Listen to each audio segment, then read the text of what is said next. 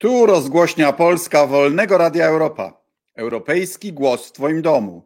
Proszę Państwa, w Turcji prezydent Erdogan twierdzi, że wygrał pierwszą turę. W Stanach Zjednoczonych prezydent Trump twierdzi, że wybory, które przegrał, były sfałszowane. No i w Polsce wszyscy się zastanawiamy, czy tegoroczne wybory będą uczciwe, będą w pełni demokratyczne. Mam dla Państwa gościa, który jest wyjątkowo kompetentny dokładnie e, w tej sprawie.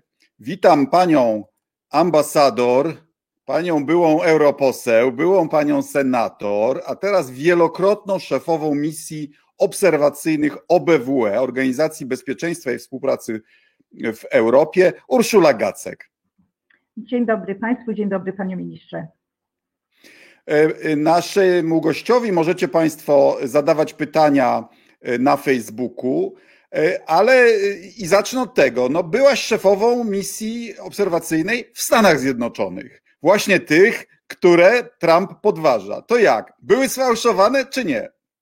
Nie były sfałszowane.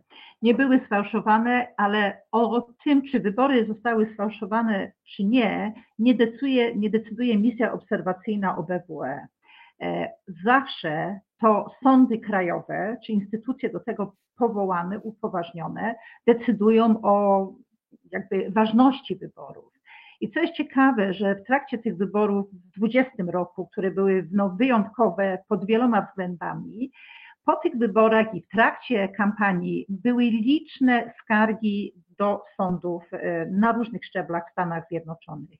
I prawie że bez wyjątku wszystkie te, które były składane przez kandydatów republikańskich, którzy uważali, że, że były jakieś fałszerstwa, że maszyny elektronicznie źle liczyły i tak dalej, to sądy amerykańskie ostatecznie uznały, że nie było podstaw. Oczywiście no, nawet na teraz słynna sprawa, telewizja Fox musiała zapłacić 700 ponad milionów dolarów e, firmie, którą oskarżyła, że jej maszyny sfałszowały wybory, prawda?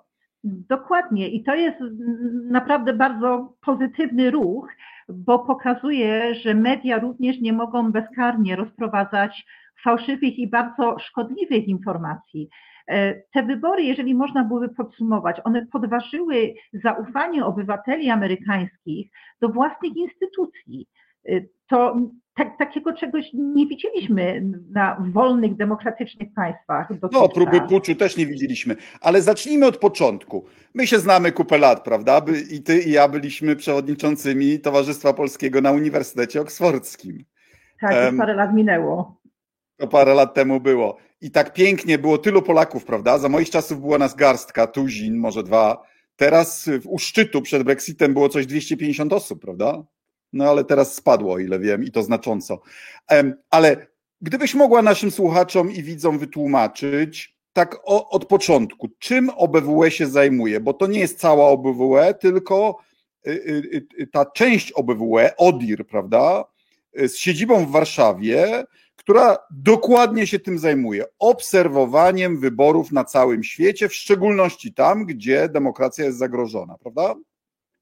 Może inaczej, obserwacją wyborów się zajmuje to, to, biuro. Ono również ma takie różne działania związane z demokratyzacją, ochroną praw człowieka, ale to biuro, które, ta część, która zajmuje się wyborami i obserwacją wyborów jest chyba najbardziej rozbudowana i najlepiej znana. E, obserwujemy wybory tylko w tych państwach, które są członkami OBWE, czyli to de facto zamyka nas w Europie, w byłych państwach e, Związku Radzieckiego, Bałkany, aż po Mongolię. Akurat Mongolia jest członkiem tej e, organizacji, a po drugiej stronie Atlantyku Kanada i, i Stany Zjednoczone. Także mamy ograniczony jakby obszar działań, ale nie obserwuje się wyborów tylko w tych krajach, gdzie można uznać, że jest coś na bakier z demokracją. Raczej mandat jest taki, e, to biuro ma prawo obserwować w każdym jednym państwie, ale oczywiście podejmuje się analizę ryzyka, e, czy w ogóle wysłać misję obserwacyjną, a, przy, a jeszcze dodam, że państwa, które są członkami tej organizacji, mają obowiązek przyjąć taką misję. Dotychczas odmówiły dwa państwa. Może państwa nie zaskoczy, to była Białoruś i Rosja. E, pozostałe może nie, za, nie z większym entuzjazmem, ale przyjmują e, tę misję. I jest zawsze element. I chwila, moment, chwila, moment, zatrzymajmy się bo, bo ja też kiedyś byłem obserwatorem i to na Białorusi i na Ukrainie mhm. i są dwa rodzaje misji, prawda? Jest ta długoterminowa, która przyjeżdża kilka tygodni, a nawet miesięcy przed, która hmm. ocenia stan te, tego eko, ekosystemu instytucjonalnego, prawda?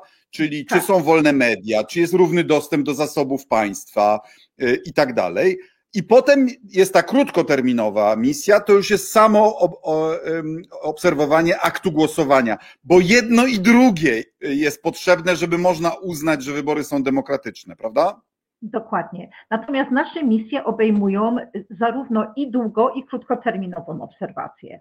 E, weźmy takie państwo jak Polska na przykład, gdzie nie jest to taki absolutny pełny format. Pełny format to widzimy takie misje miałam niedawno w Kazachstanie, taką misję miałam w Albanii czy w Armenii. E, natomiast jakie były najgorsze wybory, jakie obserwowałaś? W Turkmenistanie. No, Turkmenistanie na czym to polegało? E, kompletnie sfałszowane, zmanipulowane protokoły wyborcze, znaczy protokoły w komisjach wypełnione zanim w ogóle otwarto e, wybory. No, wszystko było spreparowane od A do Z. E, podstawioni kandydaci. Pierwsza moja misja kompletnie surrealistyczna. Państwo, które w rankingach e, swobód obywatelskich, demokracji jest bodajże drugie po Korei Północnej, ale jest członkiem, jest członkiem OBWE, przyjęła naszą misję, napisaliśmy raport, e, Przypuszczam, że niewiele się zmieniło. Raz w życiu trzeba taką misję w Turkmenistanie chyba zaliczyć. Ale normalnie, tak jak, jak, jak Pan słusznie zwrócił uwagę, Panie Ministrze, idziemy przez ten cały proces, ten ekosystem, bardzo mi się podoba to określenie, czyli ten cały cykl e, rejestracji, rejestracji kandydatów, e, dostęp do mediów i tak dalej. I w zależności od oceny ryzyka jest też ten komponent krótkoterminowy, czyli ci obserwatorzy, tam te 300-400 osób, międzynarodowych obserwatorów, plus jeszcze parlamentarzyści, którzy do nas dołączają, którzy e, obserwują ten akt wrzucania głosów do urny i liczenia tych głosów. E, w Polsce dotychczas nie mieliśmy misji, które e, w systematyczny sposób obserwowały ten sam akt wrzucania głosów do urn i liczenia. E, I na dniach e, Biuro Warszawskie. Bo nie było to, ale to dlatego, że Polska wzbudzała zaufanie i nie było to potrzebne, prawda? Znaczy, poprzednie, poprzednie doświadczenia pokazywały, że nie tam leży problem. Znaczy, że nie, w Polsce problem nie, nie jest w istocie tam, w momencie, kiedy ludzie, ludzie trafiają do lokalu wyborczego. To jest bardzo ważne, to jest kluczowe. To jest kluczowe. Tak.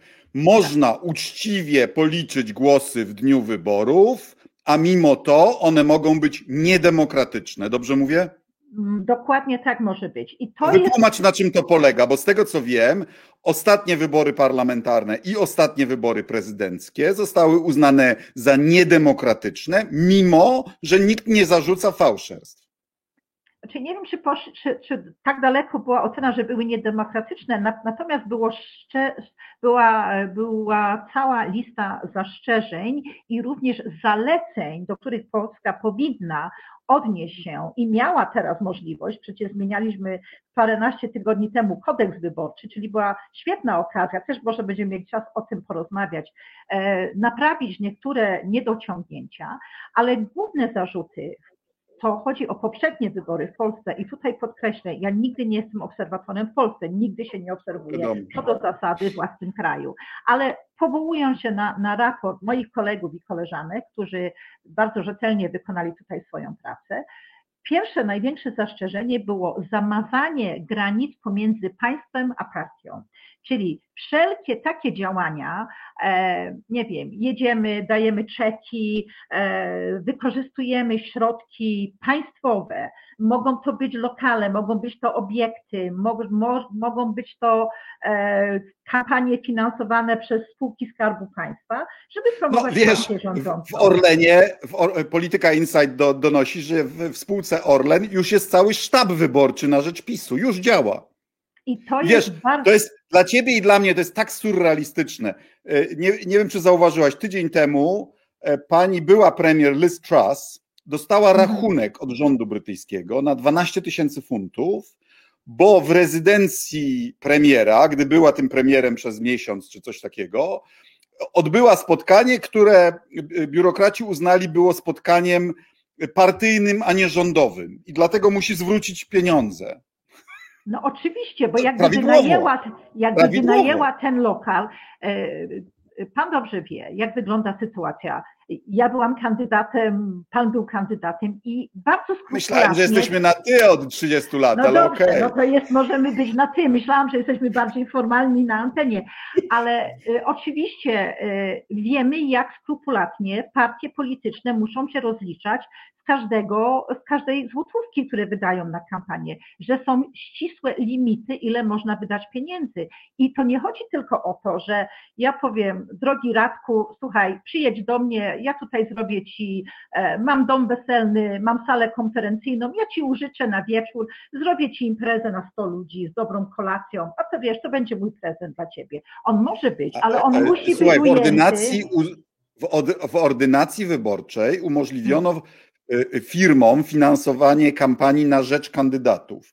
I teraz, jeśli te wydatki nie będą y, włączone do limitu dla tego kandydata, to oznacza, że firmy państwowe będą mogły wydać dowolne pieniądze na rzecz partii rządzącej. to jest to kompletnie jest niedemokratyczne. To wtedy stwarza absolutnie nierówne pole do, do konkurencji. Absolutnie. To, w Stanach Zjednoczonych, gdzie zasady finansowania kampanii i partii politycznych są chyba najbardziej szalone i liberalne na świecie, jest taka instytucja, Super PAC, to jest taka, to jest taka organizacja, że ja jako organizacja, nie wiem, pozarządowa, mogę finansować Twoją kampanię, nie wolno mi koordynować z Tobą tej kampanii, ale jeżeli ja chcę wydać, nie wiem, pół miliarda dolarów na billboardy czy kampanię w telewizji, to ja to mogę zrobić i nie ma limitu. I, i de facto myśmy stworzyli taki sam system. To jest chore, i, to jest chore, no, to się raczej, zemści. Raczej y, kontrola nad finansami związane z kampanią staje się farsą w sytuacji, kiedy bocznymi kanałami nie ma żadnych limitów i żadnych ograniczeń i kiedy jedna partia będzie korzystała z ogromnych środków, no bo wiadomo, można powiedzieć, prywatne firmy może tam będą wspierały powiedzmy inne partie polityczne, ale wiemy, w jakim kierunku pójdzie szeroki strumień finansowania spółek Skarbu Państwa. I teraz nie wyprzedzając, bo jako obserwator też moja ocena przychodzi zawsze po wyborach, a nie przed. Natomiast e, wracamy rzeczywiście do raportów z 19 roku, z 20 roku parlamentarnych, prezydenckich i widzimy, że już wtedy zwrócono uwagę na pewne niebezpieczne e, trendy. Drugi obszar przed wyborami, bardzo niebezpieczny, to jest e, stronnicze media, szczególnie państwowe. No tutaj już nie trzeba nikomu mówić, że po prostu kampania hejtu, która się e, wylewa z telewizji publicznej, e, to jest coś, co oczywiście, jeżeli powtórzy się formuła, która była w poprzednich wyborach, będzie zespół, który będzie monitorował te media e, i będzie nie tylko liczony czas antenowy, ale będzie też ton wypowiedzi, bo może Donald Tusk mieć 15 e, minut w każdych wiadomościach e, telewizji polskiej, ale to będzie 15 Mówiąc minut. Mówiąc Deutschland. Absolut, tak, będzie 15 minut negatywnej kampanii. To jest oceniane. Nowość, bo też metodologia e, musi się zmieniać, e, uwzględniając postępy technologiczne.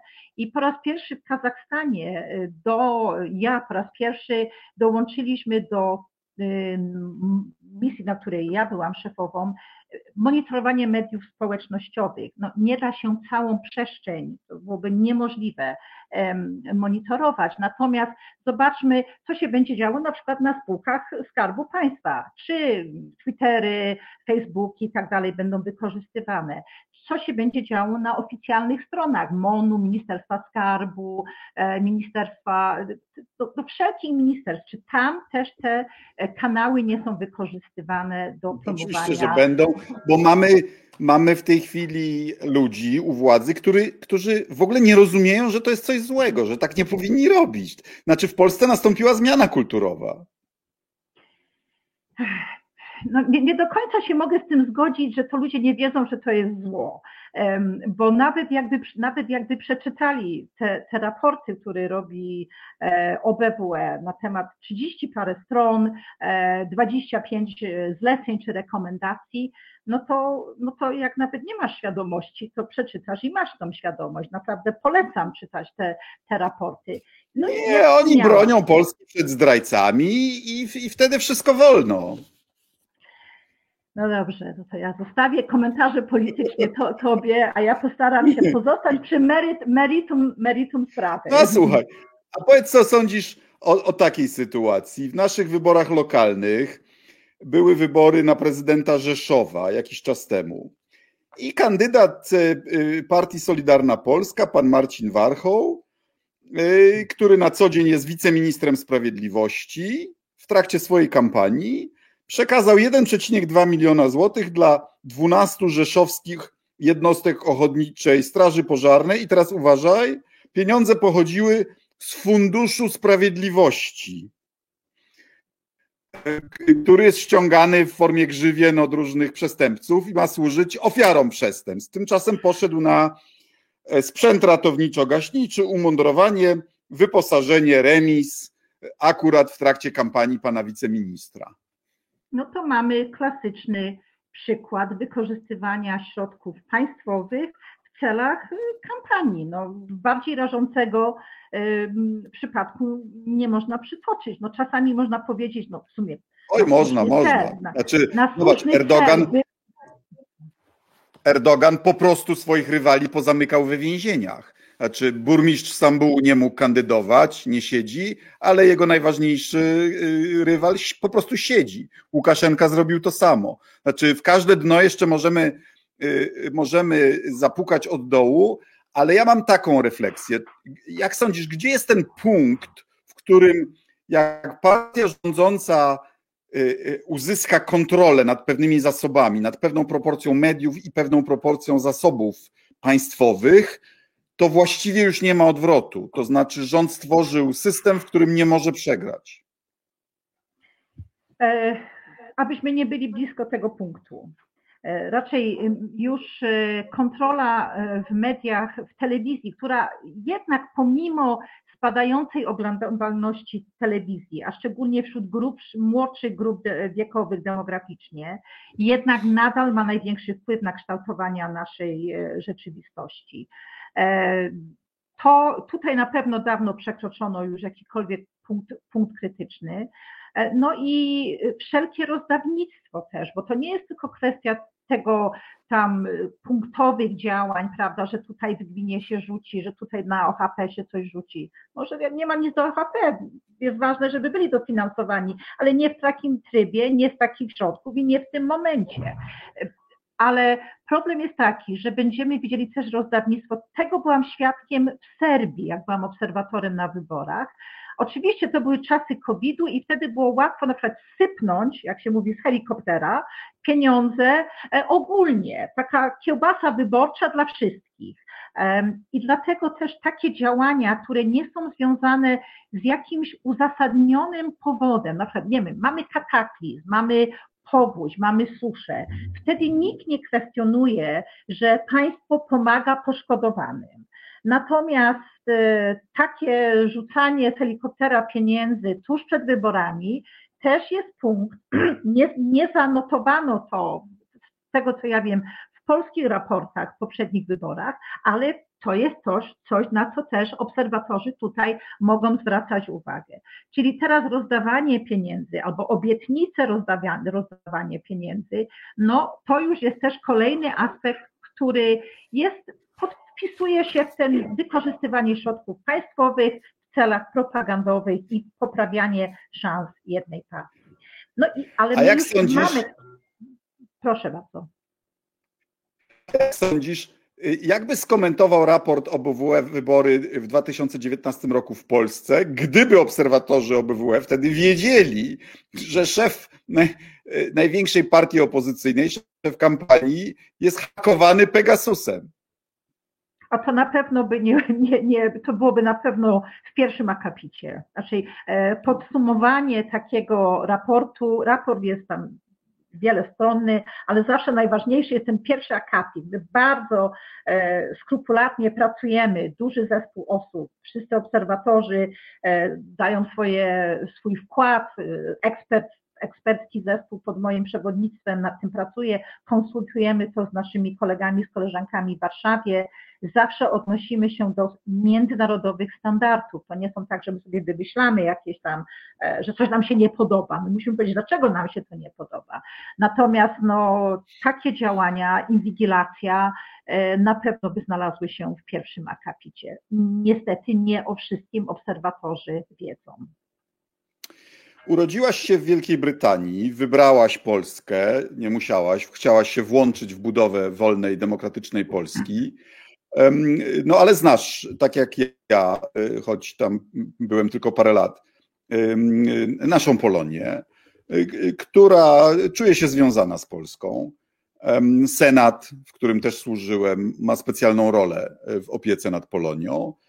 Y, I był już czas, że y, nasi rodacy, ci, którzy mają obywatelstwo, mogli głosować y, pocztą. Akurat w Wielkiej Brytanii konsulatów jest parę, więc można podjechać. To nie jest największy problem, ale jest wiele miejsc na świecie Australia, Stany Zjednoczone, Brazylia gdzie do konsulatu jest czasami kilkaset kilometrów, prawda? A pocztą można było wygodnie zagłosować. Tymczasem rząd, zmieniając ordynację, nie tylko e, zlikwidował możliwość głosowania pocztą, ale wręcz zadekretował, że, w komisjach zagranicznych głosy muszą być policzone w ciągu 24 godzin. E, Krzysztof Lisek, który e, utrzymuje kontakty z naszą Polonią, przeprowadził eksperyment, no, że jedna ekipa jest w stanie policzyć 200 głosów w ciągu tych 24 e, e, godzin. No więc jeśli w jakimś konsulacie się pojawi 2000 ludzi albo więcej, to grozi to tym, że większość tych głosów nie będzie policzona, bo zapada gilotyna, prawda? E, no i chyba nie jestem sam, podejrzewając, że to jest kara za to, że w wyborach prezydenckich Polonia całego wolnego świata całego świata zagłosowała w 70% na Trzaskowskiego, a nie na prezydenta Dudę. No jak można tak ograniczać? Ja, ja rozumiem, jak ktoś chce zlikwidować głosowania za granicą, to jestem w stanie zrozumieć ten argument. Ale jeżeli dopuszczamy naszych rodaków, no to powinniśmy stworzyć warunki, żeby mogli skutecznie oddać głos. E, to jest, to jest bardzo słuszna uwaga. Ja e, swego czasu też e, pełniłam rolę konsula generalnego w Nowym Jorku, jeden z naszych największych konsulatów. E, w ogóle jedna z naszych największych placówek, większa niż wiele naszych Paradoksalnie ma, ma, bardzo porównywalną ilość e, Polaków niż Chicago, prawda? Wszyscy myślą o Chicago. Dokładnie.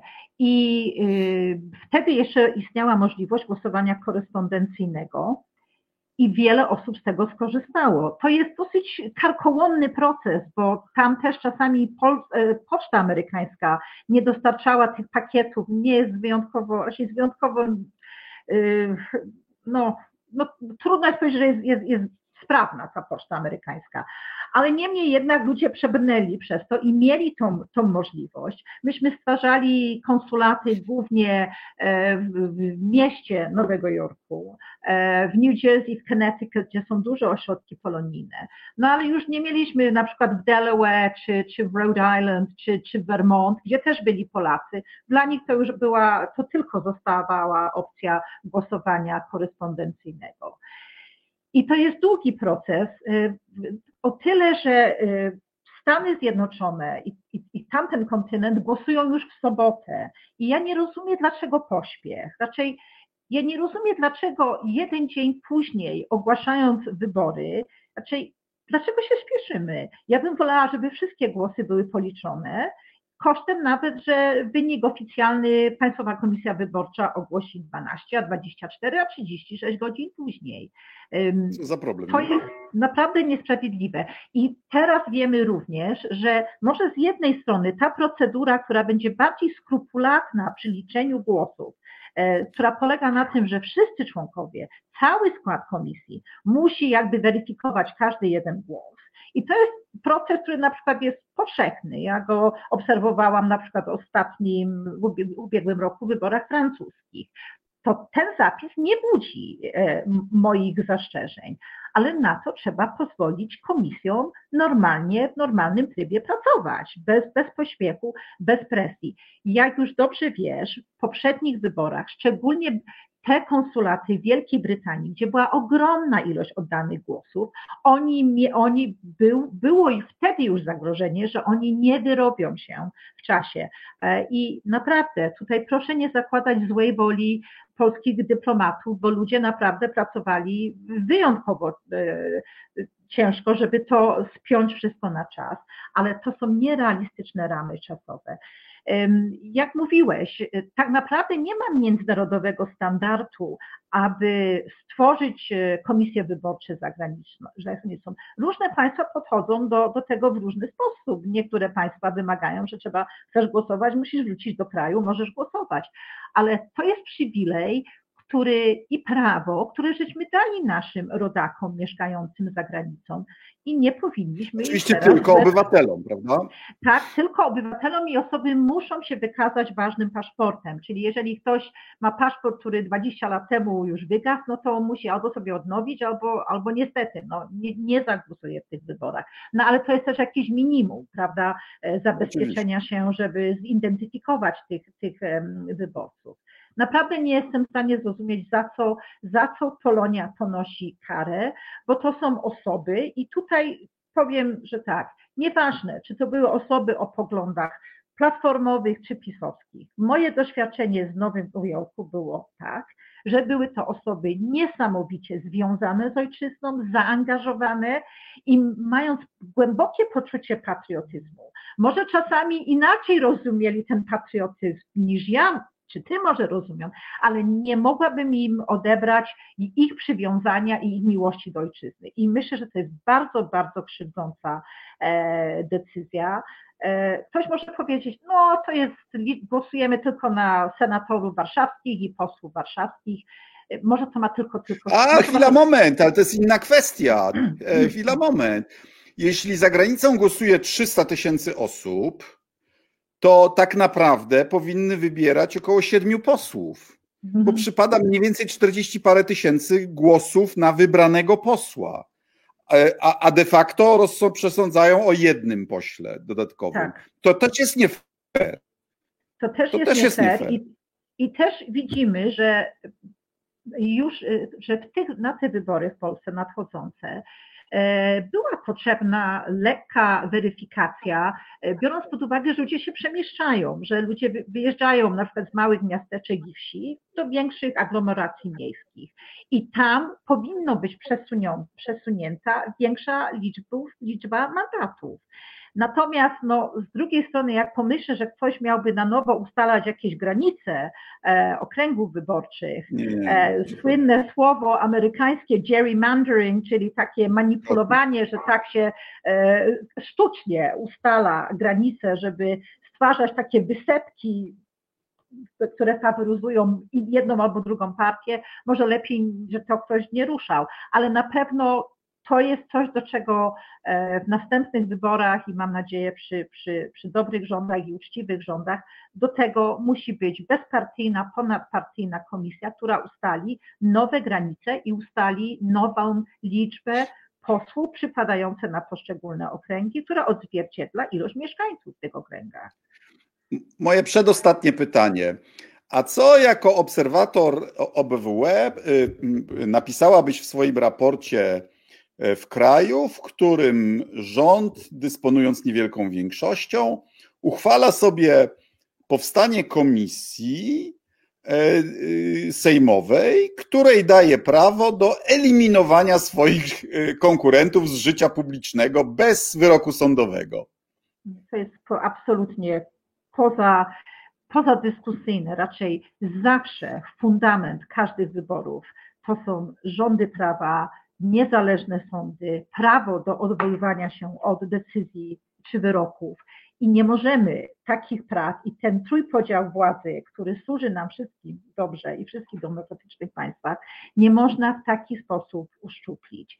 E, jak mówiłeś, że obserwatorzy patrzą na ten ekosystem, to oczywiście główne skupienie jest na wszystkie aspekty, które dotyczą wyborów, ale nie jesteśmy obojętni jako obserwatorzy na to, czy sądy są niezależne. Przecież to sądy rozstrzygają protesty wyborcze, to tu wpływają skargi. Obywatel musi mieć pewność, że jeżeli ma uzasadnioną skargę, że ona zostanie sposób bezstronny i uczciwy e, po prostu Sądy rozstrzygają też w trybie wyborczym sprawy o zniesławienia. Dokładnie, a polskie prawo o zniesławieniu też jest przedmiotem krytyki. Nie tylko Polska, wiele państw ma bardzo restrykcyjne prawa, e, które też można używać jako kaganiec przeciwko na przykład dziennikarzom albo opozycji e, i na to też poprzednie raporty OBWE w Polsce zwracały uwagę, że czasami zbyt liberalnie podchodzimy do spraw zniesławienia, a z drugiej strony tam, gdzie się leje mowa nienawiści, brakuje reakcji. No dobra, to dziękuję Ci serdecznie. Mam jeszcze tylko jedno pytanie, ale w bardzo ważnej sprawie. Bo rozumiesz, rozumiem, że produkujesz ocet. Ale to nie jest zwykły ocet, tylko specjalny ocet. Powiedz, dlaczego to jest ważne. Ocet, to jest taki ocet dyplomatyczny. Z octem przygoda moja się zaczęła, jak skończyłam moją pracę w MSZ i musiałam sobie znaleźć zajęcie w okresie, kiedy nie ma wyborów, czyli na ogół w lecie a skoro jestem, mieszkam na małopolskiej wsi i mam sporo ziemi, którą... W okolicach Tarnowa, prawda? Dokładnie. E, wpadłam na pomysł, aby produkować e, ocet w takim stylu, jak poznałam w Stanach Zjednoczonych, czerpając tam wzorce też w Francji, gdzie w Strasburgu też przecież spędziłam 4 lata. Ale żeby mieć no i... ocet, to najpierw trzeba wino zrobić, czy nie? Czy można prosto trzeba, do octu? Ta, nie, to ja tą tradycyjną metodą to trzeba mm, w pierwszym etapie mieć coś z alkoholem, a później pozwolić, żeby bakterie octowe to przejadły. To jest proces dosyć wolny i czasami mało przewidywalny. To tak trochę jak z dyplomacją, wiesz, to długo trwa, długo się czeka na efekty, nie zawsze wiadomo, co z tego wyjdzie. Ale tak jak e, dyplomacja uczy cierpliwości, to jest jakby dobra cecha charakteru dla producenta octu, bo ja jestem cierpliwa, pozwalam, żeby natura robiła swoje, e, zaglądam czasami tam do tej beczki, zobaczyć, co się dzieje, ale tak, jest to, jest to fajna, fajna zabawa i rzeczywiście firma octownia. Ale czym się różni ocet od octu żywego? E, dlatego że moje octy nie są pasteryzowane, zawierają żywe kultury bakterii octowych, są świetne e, na nasze jelita, a jak sam wiesz, są pyszne, bo sam je już przecież próbowałem. Tak jest. Tak jakiś jest. Zapraszam Państwa robiliśmy jakiś na stronę octownia.pl. Tak, myśmy zrobili jakiś barter, ja dostałam od Ciebie sos, który na pewno własnoręcznie zrobiłeś, a Ty dostałeś tak. ode mnie ocet. No tak jest. wszystko gra. Serdecznie dziękuję za rozmowę. Mam nadzieję, że te wybory nie będą aż tak złe, jak ja niestety się spodziewam. E, I mam nadzieję na rozmowę, y, y, czy w trakcie wyborów, czy, czy na podsumowanie tego, jak one poszły. Pani ambasador, dziękuję serdecznie. Bardzo dziękuję i bardzo chętnie wrócimy do tematu po wyborach, y, aby, aby były jednak, miejmy dobrą nadzieję, a ja mówię, moje oceny i moje osądy będą dopiero po fakcie, ale co najmniej dzisiaj poruszaliśmy te tematy, gdzie, gdzie mogą być problemy, gdzie mogą być jakieś nie do końca uczciwe praktyki. Serdecznie dziękuję za rozmowę i do dziękuję. następnego razu. To była rozgłośnia Polska Wolnego Radia Europa, europejski głos w Twoim domu. Jeśli się Państwu podobało, to proszę o udostępnianie, szerowanie, lajkowanie i tam dalej. Dziękuję bardzo. Do zobaczenia.